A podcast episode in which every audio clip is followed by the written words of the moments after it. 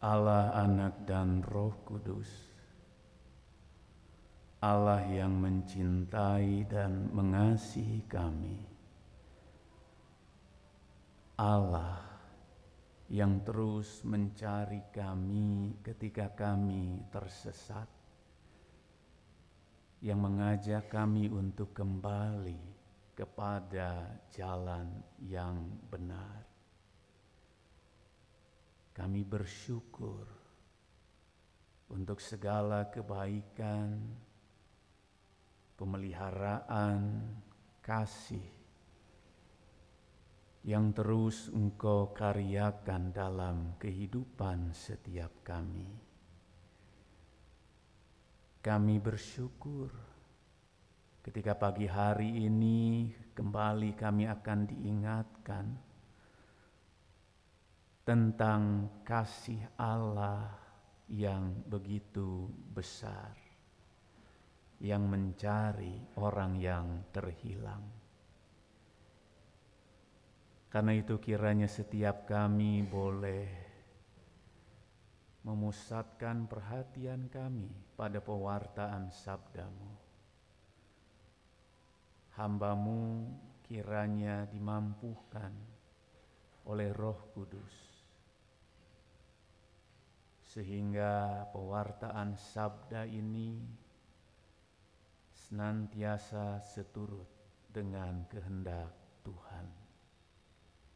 Bersabdalah kepada kami ya Allah, karena kami telah siap untuk mendengarkan.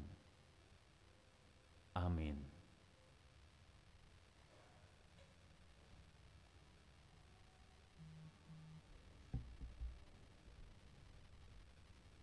Bacaan pertama diambil dari Keluaran 32 ayat 7 sampai 14. Berfirmanlah Tuhan kepada Musa, "Pergilah, turunlah, sebab bangsamu yang kau pimpin keluar dari tanah Mesir telah rusak lakunya." Segera juga mereka menyimpang dari jalan yang kuperintahkan kepada mereka. Mereka telah membuat anak lembu tuangan dan kepada mereka sujud menyembah dan mempersembahkan korban sambil berkata, Hai Israel, Allahmu yang telah menuntun engkau keluar dari tanah Mesir.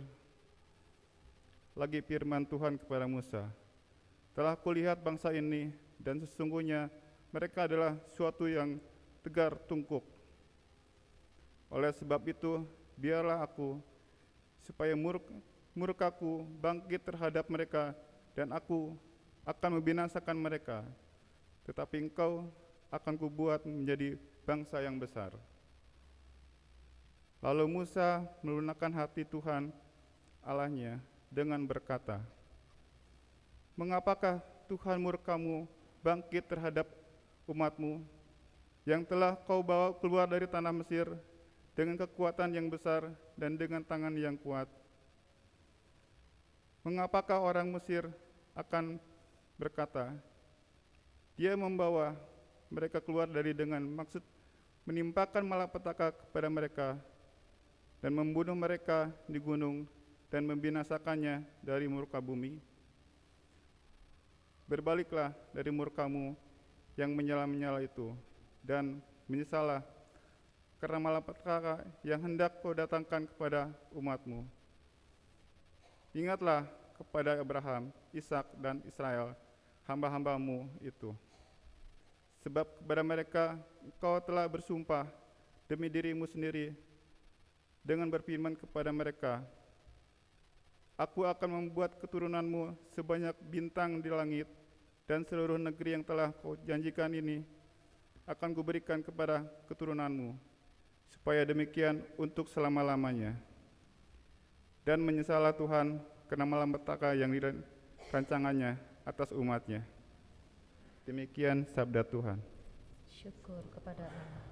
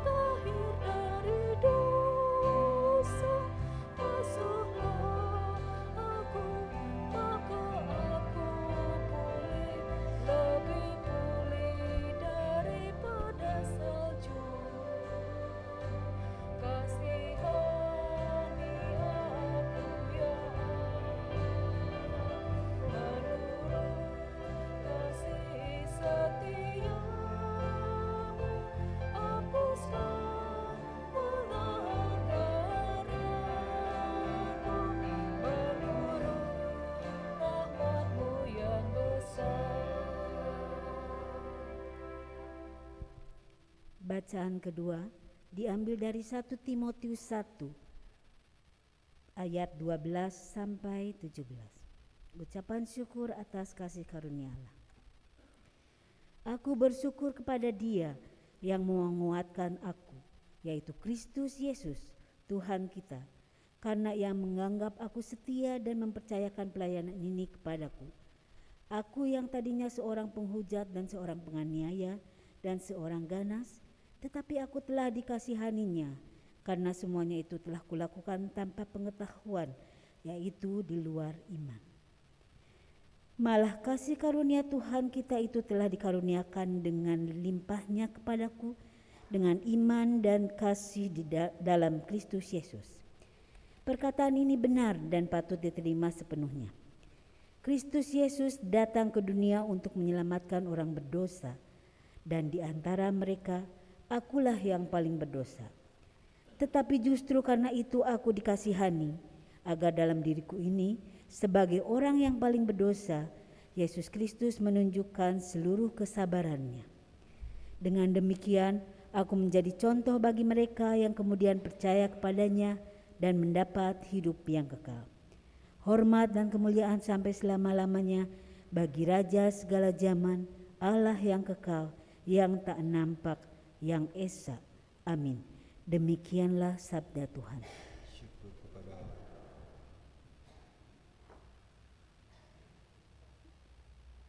Bacaan dari Injil Tuhan Yesus Kristus menurut Lukas 15 ayat pertama sampai dengan ayat yang ke-10.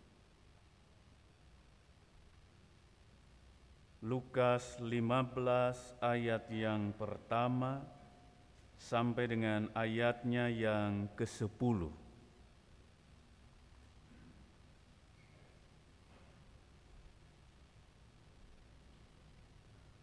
Para pemungut cukai dan orang-orang berdosa biasanya datang kepada Yesus untuk mendengarkan Dia. Maka bersungut-sungutlah orang-orang Farisi dan ahli-ahli Taurat, katanya, "Ia menerima orang-orang berdosa." dan makan bersama-sama dengan mereka. Lalu ia mengatakan perumpamaan ini kepada mereka: Siapakah di antara kamu yang mempunyai seratus ekor domba, dan jikalau ia kehilangan seekor di antaranya, tidak meninggalkan yang sembilan puluh sembilan ekor di padang gurun dan pergi mencari yang sesat itu sampai ia menemukannya. Dan kalau ia telah menemukannya, ia meletakkannya di atas bahunya dengan gembira. Dan setibanya di rumah, ia memanggil sahabat-sahabat dan tetangga-tetangganya, serta berkata kepada mereka, "Bersukacitalah bersama-sama dengan aku, sebab dombaku yang hilang itu telah kutemukan." Aku berkata kepadamu, demikian juga akan ada sukacita di sorga, karena satu orang berdosa yang bertobat lebih daripada sukacita, karena sembilan puluh sembilan orang benar yang tidak memerlukan pertobatan. Atau perempuan manakah yang mempunyai sepuluh dirham dan jika ia kehilangan satu di antaranya, tidak menyalakan pelita dan menyapu rumah serta mencarinya dengan cermat sampai ia menemukannya. Dan kalau ia telah menemukannya, ia memanggil sahabat-sahabat dan tetangga-tetangganya, serta berkata, "Bersukacitalah bersama-sama dengan aku, sebab dirhamku yang hilang itu telah kutemukan." Aku berkata kepadamu, demikian juga akan ada sukacita pada malaikat-malaikat Allah karena satu orang berdosa yang bertobat. Demikianlah Injil Yesus Kristus. Berbahagialah mereka yang mendengarkan firman Allah dan yang memeliharanya. Haleluya!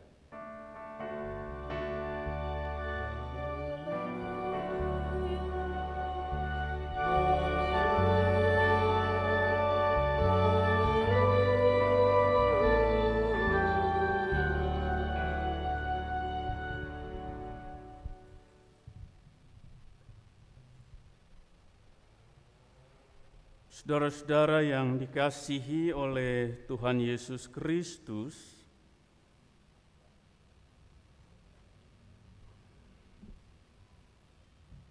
ulah sieun Gusti moal micen manusa nunyieun dosa tapi masih boga kasieun ulah Gusti moal micen. Jangan takut karena Allah tidak akan membuang.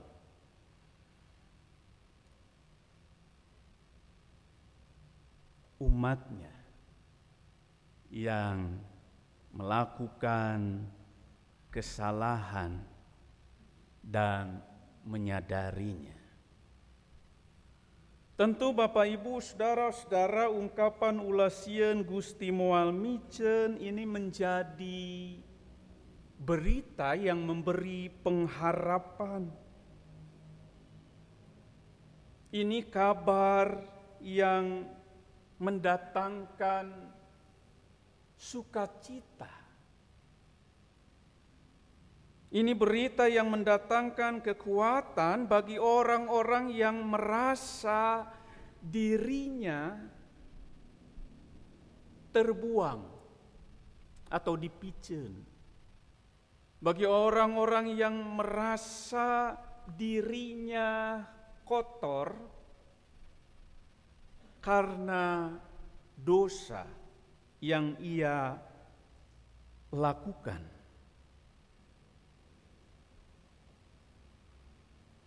Ulasien Gusti Moal Micen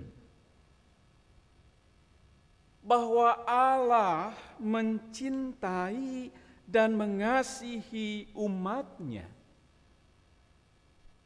Kasihnya lebih besar dari kesalahan yang dilakukan umat Tuhan.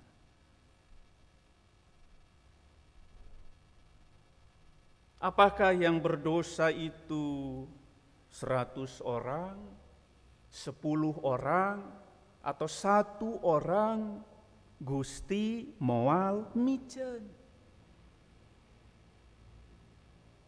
Dalam perumpamaan yang kita baca, Bapak Ibu, saudara-saudara, Yesus menceritakan tentang seorang gembala yang mempunyai seratus ekor domba dan satu dari seratus itu hilang, tersesat. Lalu dalam perumpamaan itu diceritakan sang gembala itu ia tidak diam, ia melakukan usaha, ia melakukan upaya untuk menemukan satu ekor domba yang hilang tadi dan membiarkan 99 ekor domba yang lain di padang gurun. Gembala meninggalkan 99 demi mencari satu ekor domba.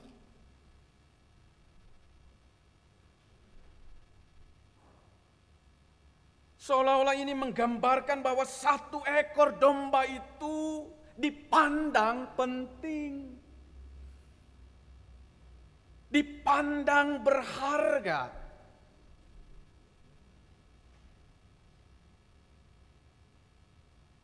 Sehingga gembala itu perlu cepat-cepat mencari satu ekor domba yang tersesat itu. Tetapi apakah kemudian ini berarti bahwa yang 99 itu tidak penting? Ini menjadi pertanyaan tentunya.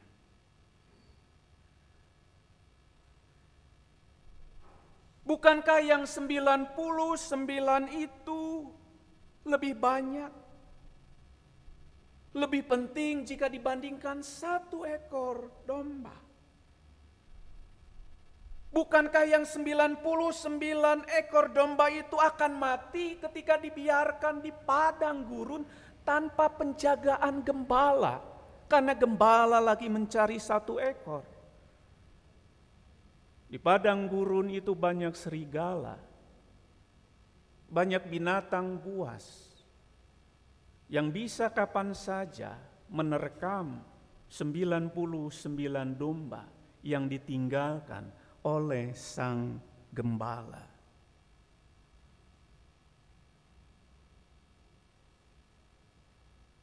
Apakah perumpamaan Yesus hendak memperbandingkan bahwa ada yang jauh lebih penting dan ada yang kurang penting?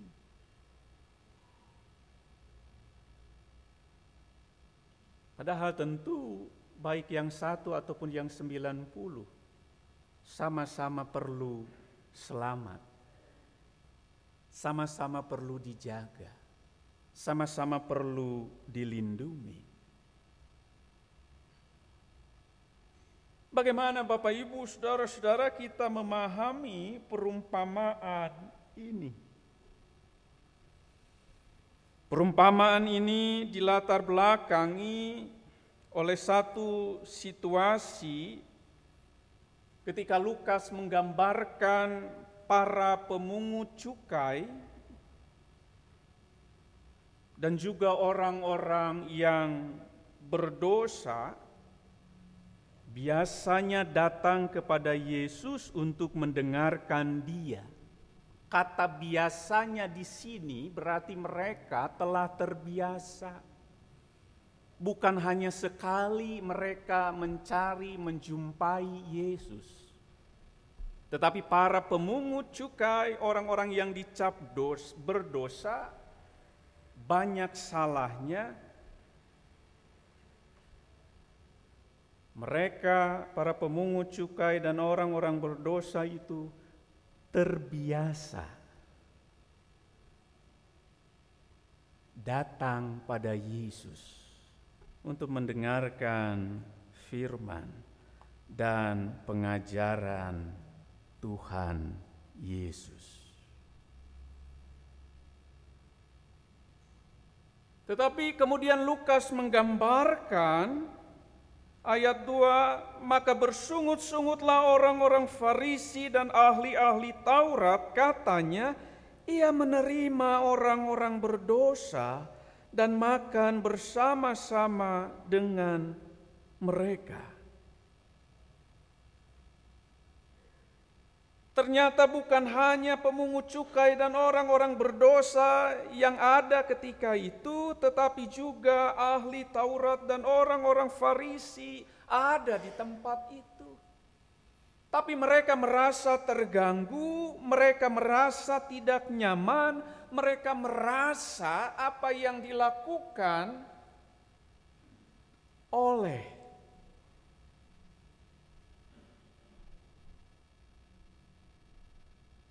Yesus itu salah.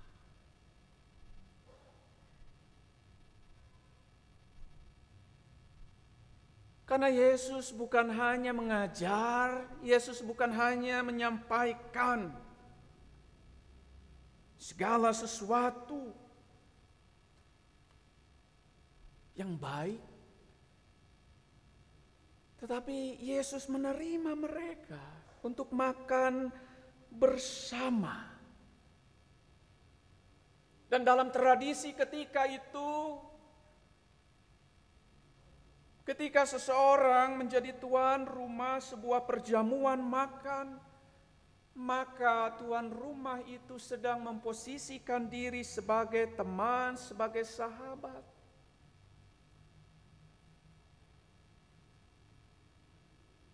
Dari satu sisi lain, para ahli Taurat dan pemungut, ahli Taurat dan orang-orang Farisi, mereka merasa ada yang salah dengan apa yang Yesus lakukan. Mengapa orang-orang berdosa harus dekat dengan Yesus, bahkan makan bersama dengan Yesus? Mengapa orang-orang berdosa diterima oleh Yesus? Mengapa orang-orang berdosa disambut oleh Yesus? Padahal Yesus adalah sosok guru, sosok rabi. yang tentu haruslah berkawan berteman dengan orang-orang yang tidak berdosa. Itu kacamata para ahli Taurat dan orang-orang Farisi ketika itu. Nah, latar belakang itu, Bapak Ibu, saudara-saudara, yang kemudian menjadi penyebab Yesus menyampaikan perumpamaan tentang domba yang hilang.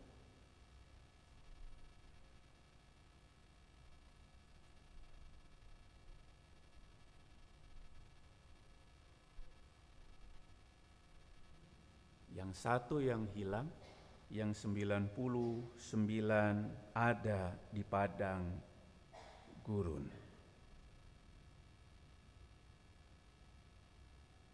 Menggambarkan siapa? Satu domba yang hilang, Bapak Ibu, saudara-saudara, menggambarkan para pemungut cukai menggambarkan orang-orang berdosa yang telah terhilang. Tetapi ini catatan penting. Yang telah terhilang dan mau pulang.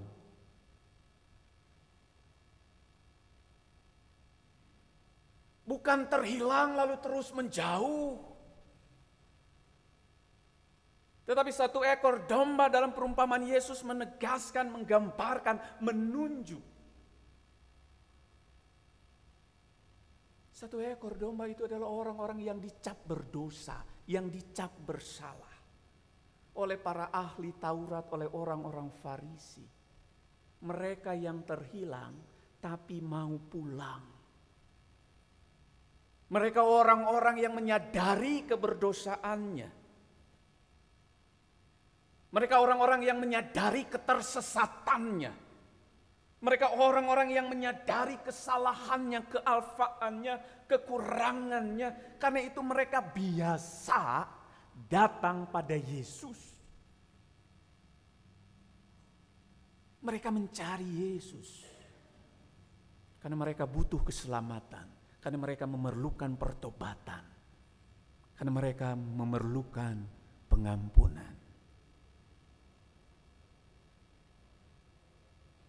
Karena itu 99 ekor domba tadi tidak menunjuk pada 99 orang yang benar. Tetapi 99 ekor domba tadi menunjuk pada ahli Taurat dan orang-orang Farisi yang merasa benar. Bukan sudah hidup benar, tapi yang merasa benar. Mereka merasa paling benar, mereka merasa tidak berdosa, mereka merasa tidak ada yang salah dalam diri kami. Tidak ada yang perlu diubah, tidak ada yang perlu diperbaiki, tidak ada yang perlu dikoreksi dari hidup kami.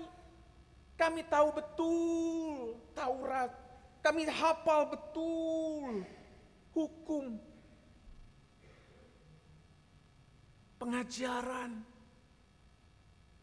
dan firman Tuhan. Kami tahu itu.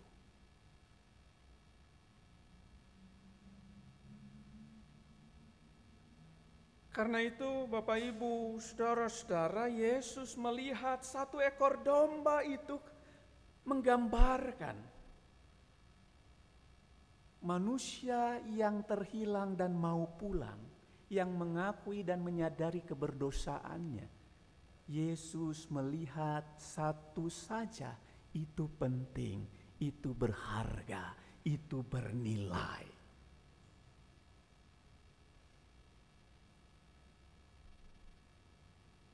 Karena itu Yesus mencari satu ekor domba itu karena mereka memerlu, karena satu ekor itu memerlukan Yesus. Karena orang berdosa itu memerlukan Yesus. Sedangkan ahli Taurat orang-orang Farisi mereka merasa tidak ada yang salah. Mereka tidak memerlukan pertobatan. Itu anggapan mereka. Karena mau bertobat seperti apa? Toh mereka merasa tidak ada yang salah dari diri mereka. Mereka merasa semuanya oke, semuanya baik-baik saja. Karena itu Bapak Ibu, saudara-saudara yang dikasihi oleh Tuhan Yesus Kristus,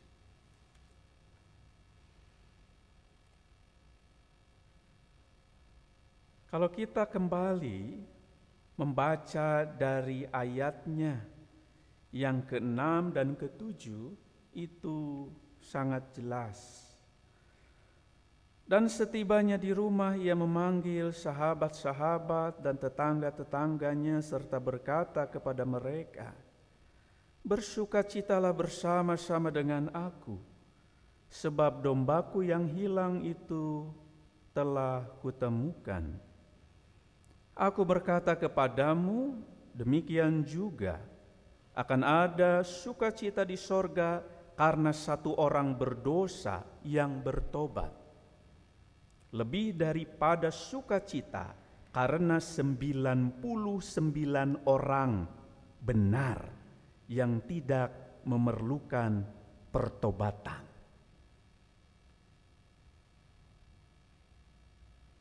Satu ekor domba menggambarkan pemungut cukai orang-orang berdosa, menggambarkan orang-orang yang memerlukan pertobatan. Yesus melihatnya penting. Dibandingkan jika ada 99 orang yang merasa benar dan tidak memerlukan pertobatan.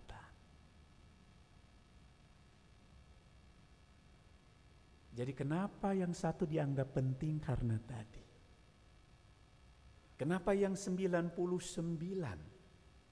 seolah-olah dibiarkan di padang gurun?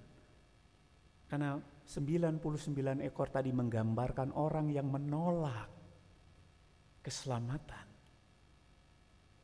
dari Allah. Karena itu Bapak Ibu Saudara-saudara, pada pagi hari ini kita diajak untuk merenungkan tiga hal ini. Yang pertama, Gusti melang kaumatna anu ilang pasti diteang sangkan mulang. Gusti melang. Mengkhawatirkan. Siapa pun di antara kita yang telah terhilang. Yang hidup dalam dosa. Karena Gusti melang pasti diteang, pasti dicari. Sampai ketemu Supaya apa? Sangkan mulang. Supaya kembali. Supaya berbalik. Yang terhilang dan ingin pulang. Kenapa ada penegasan yang terhilang dan ingin pulang Bapak Ibu Saudara-saudara karena ada juga banyak yang terhilang tetapi tidak mau pulang. Banyak orang yang tahu hidupnya telah berdosa tetapi ia tidak mau bertobat. Dinasehati ia tidak mendengar. Diingatkan ia tidak peduli.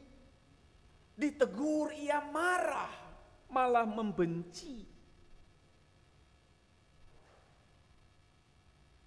Yang terhilang sesungguhnya adalah ke-90 ekor domba tadi yang menggambarkan orang-orang yang merasa tidak ada yang salah dalam diri saya. Sehingga saya tidak perlu diberitahu. Sehingga saya tidak perlu berubah, saya tidak perlu bertobat. Karena saya baik-baik saja. 99 tadi menggambarkan orang yang mengeraskan hati.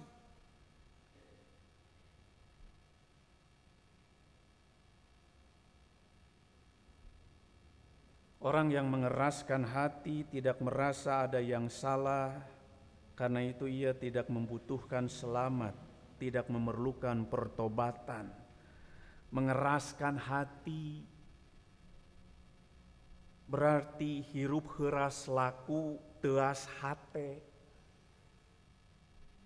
Di bejaan ngahajakeun, di papatahan ngabantah,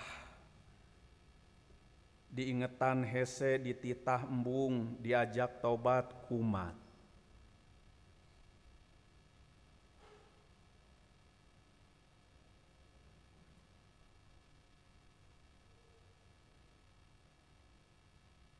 Gusti melang ka umatna anu ilang pasti diteang sangkan mulang. Karena itu kalau kita merasa kami selama ini telah terhilang, kami telah menjauh dari Engkau ya Allah, kami telah menjauh dari persekutuan ya Tuhan, kami mau pulang. Maka ulah sieun pasti Gusti moal miceun. Pasti akan disambut dengan sukacita. Setiap kita yang hilang dan ingin pulang.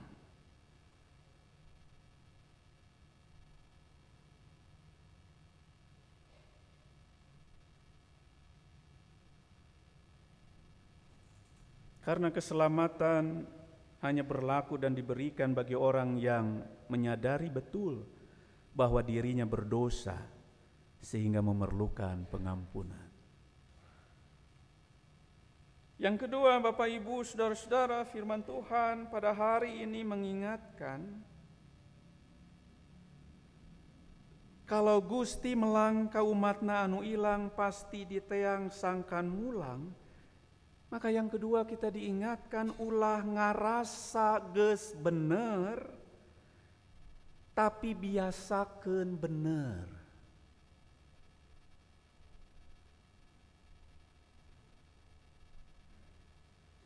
Ulah ngarasa ges bener tapi biasakan bener. Atau dalam ungkapan bahasa Indonesia yang lain, jangan membenarkan kebiasaan tapi biasakan kebenaran. Kalau orang hanya ngarasa, namanya ngarasa pasti ngarasa benar, belum tentu benar.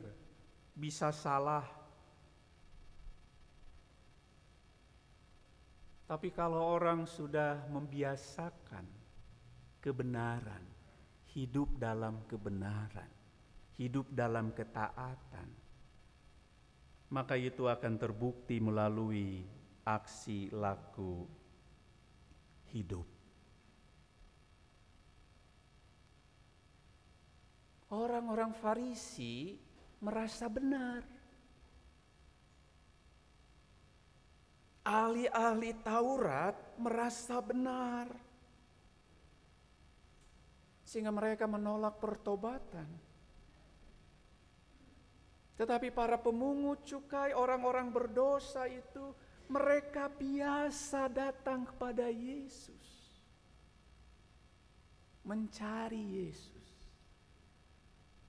Mereka mau mendengar perkataan Yesus. Mereka mau mendekat kembali, melekat erat dengan Sang Maha Kuat, yaitu Allah.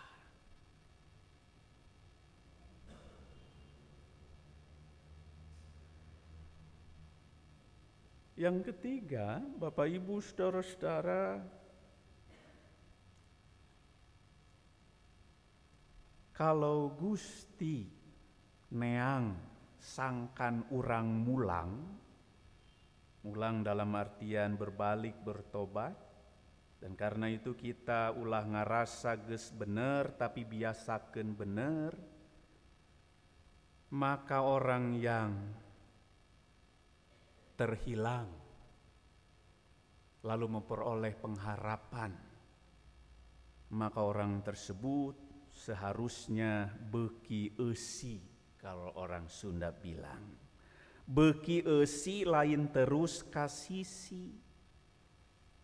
Jalma nu esi loba aksi, daek dikoreksi, resep introspeksi, terus evaluasi, inget kagusti.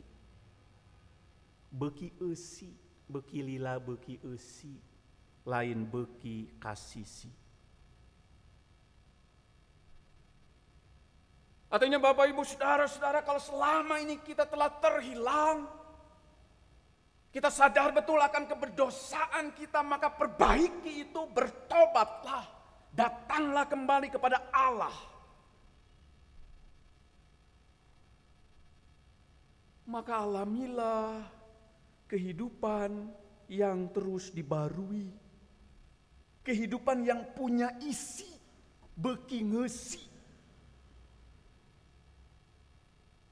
Orang yang hidupnya ayah esi, Bapak Ibu Saudara-saudara, pasti dia akan melakukan tadi ada banyak aksi, ada banyak karya.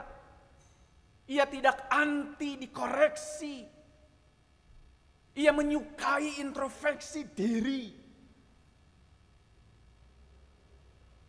Orang-orang Farisi tidak suka mengintrospeksi diri sendiri. Mereka tidak mau untuk mengevaluasi sudah benar atau tidak. Atau jangan-jangan hanya ngerasa benar.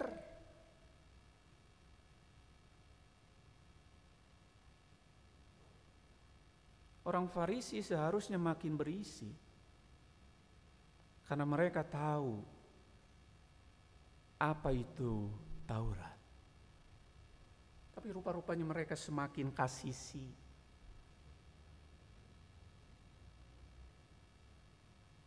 Para pemungut cukai, orang-orang yang berdosa, mereka di sisi. Karena mereka diasingkan, mereka tidak dianggap, mereka tidak diterima. Mereka dicap sebagai tadi aib, najis karena dosa mereka. Mereka di pinggir, mereka di sisi. Tetapi kemudian mereka mencari Allah dan ditemukan oleh Allah, sehingga yang terhilang itu pulang. Dan yang terhilang kalau sudah pulang, maka seharusnya beki ngesi.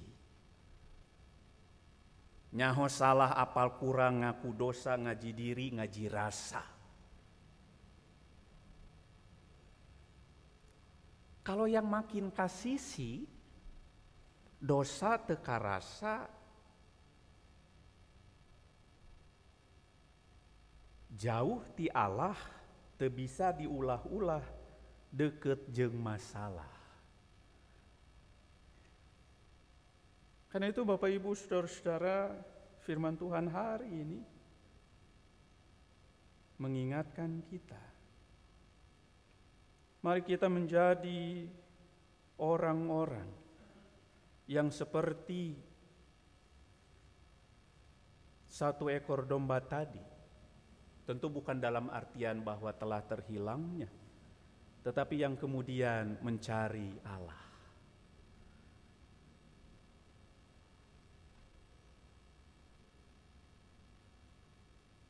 Orang-orang yang terus menyadari kelemahannya keberdosaannya, kekurangannya.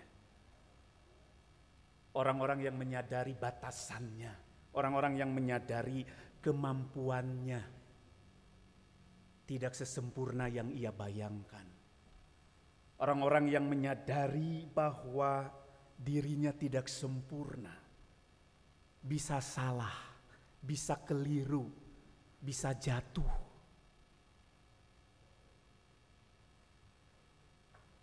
Karena menyadari itu, maka membutuhkan pertobatan. Maka tahu betul bahwa ia membutuhkan Yesus. Tetapi orang yang sudah merasa sempurna, Orang yang merasa benar, pasti ia tidak butuh apa-apa. Karena ia merasa benar, merasa paling hebat.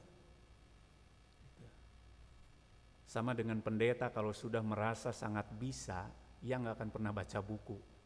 Ada nggak pinter. Ya. Dosen kalau tidak mengupgrade dirinya terus-menerus dengan survei, dengan penelitian, dengan membaca, dengan riset dan sebagainya, maka ia tidak akan tambah pinter. Penatua kalau merasa, ah saya mah sudah cukup hebat selama ini, nah itu terhilang sesungguhnya. Karena kalau sudah merasa cukup hebat, maka ia tidak akan belajar bagaimana untuk semakin terpelajar, bagaimana untuk semakin bisa melayani dengan baik. Dan orang yang berdosa, tapi ia tidak menyadari keberdosaannya, maka ia tidak akan pernah pulang. Dan ia akan tetap terhilang selamanya.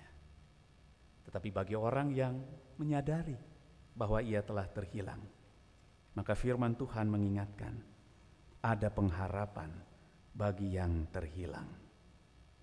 Ulasieun Gusti Moal Mijen. Amin.